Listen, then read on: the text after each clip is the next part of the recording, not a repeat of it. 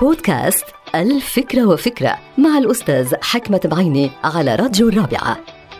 هناك أهمية كبرى لشرح الأمور وتفسير الأمور بشكل واضح للموظفين الجدد والعاملين في كافة القطاعات ولا سيما العمال والأجراء بما فيهم طبعا الذين يعملون في خدمة المنازل. طبعا السبب وراء كل ذلك هو عدم قدرة هؤلاء استيعاب الأمور المتعلقة بالعمل بشكل واضح وسريع وفعال خاصة خاصة إذا كان هناك في مشكلة في التخاطب يعني في مشكلة لغة لغة ليست هي لغة الأم. أقول ذلك لأنه أنا شخصيا اختبرت ذلك عندما كنت أعمل في الخارج وتعرضت لسوء تفاهم بسبب فارق اللغة والثقافة. طبعا أنا بستغرب كيف أحيانا بعض المدراء أو أصحاب الأعمال بينفجروا غضبا من الموظفين الجدد أو العمال الأجانب إذا أخطأوا في التقدير والعمل. طبعا يمكن أن يكون السبب هو اللغة أو الثقافة أو أيضا تقصير من المدير في شرح المعلومات من خلال ما يسمى بال orientation نعم ال orientation هي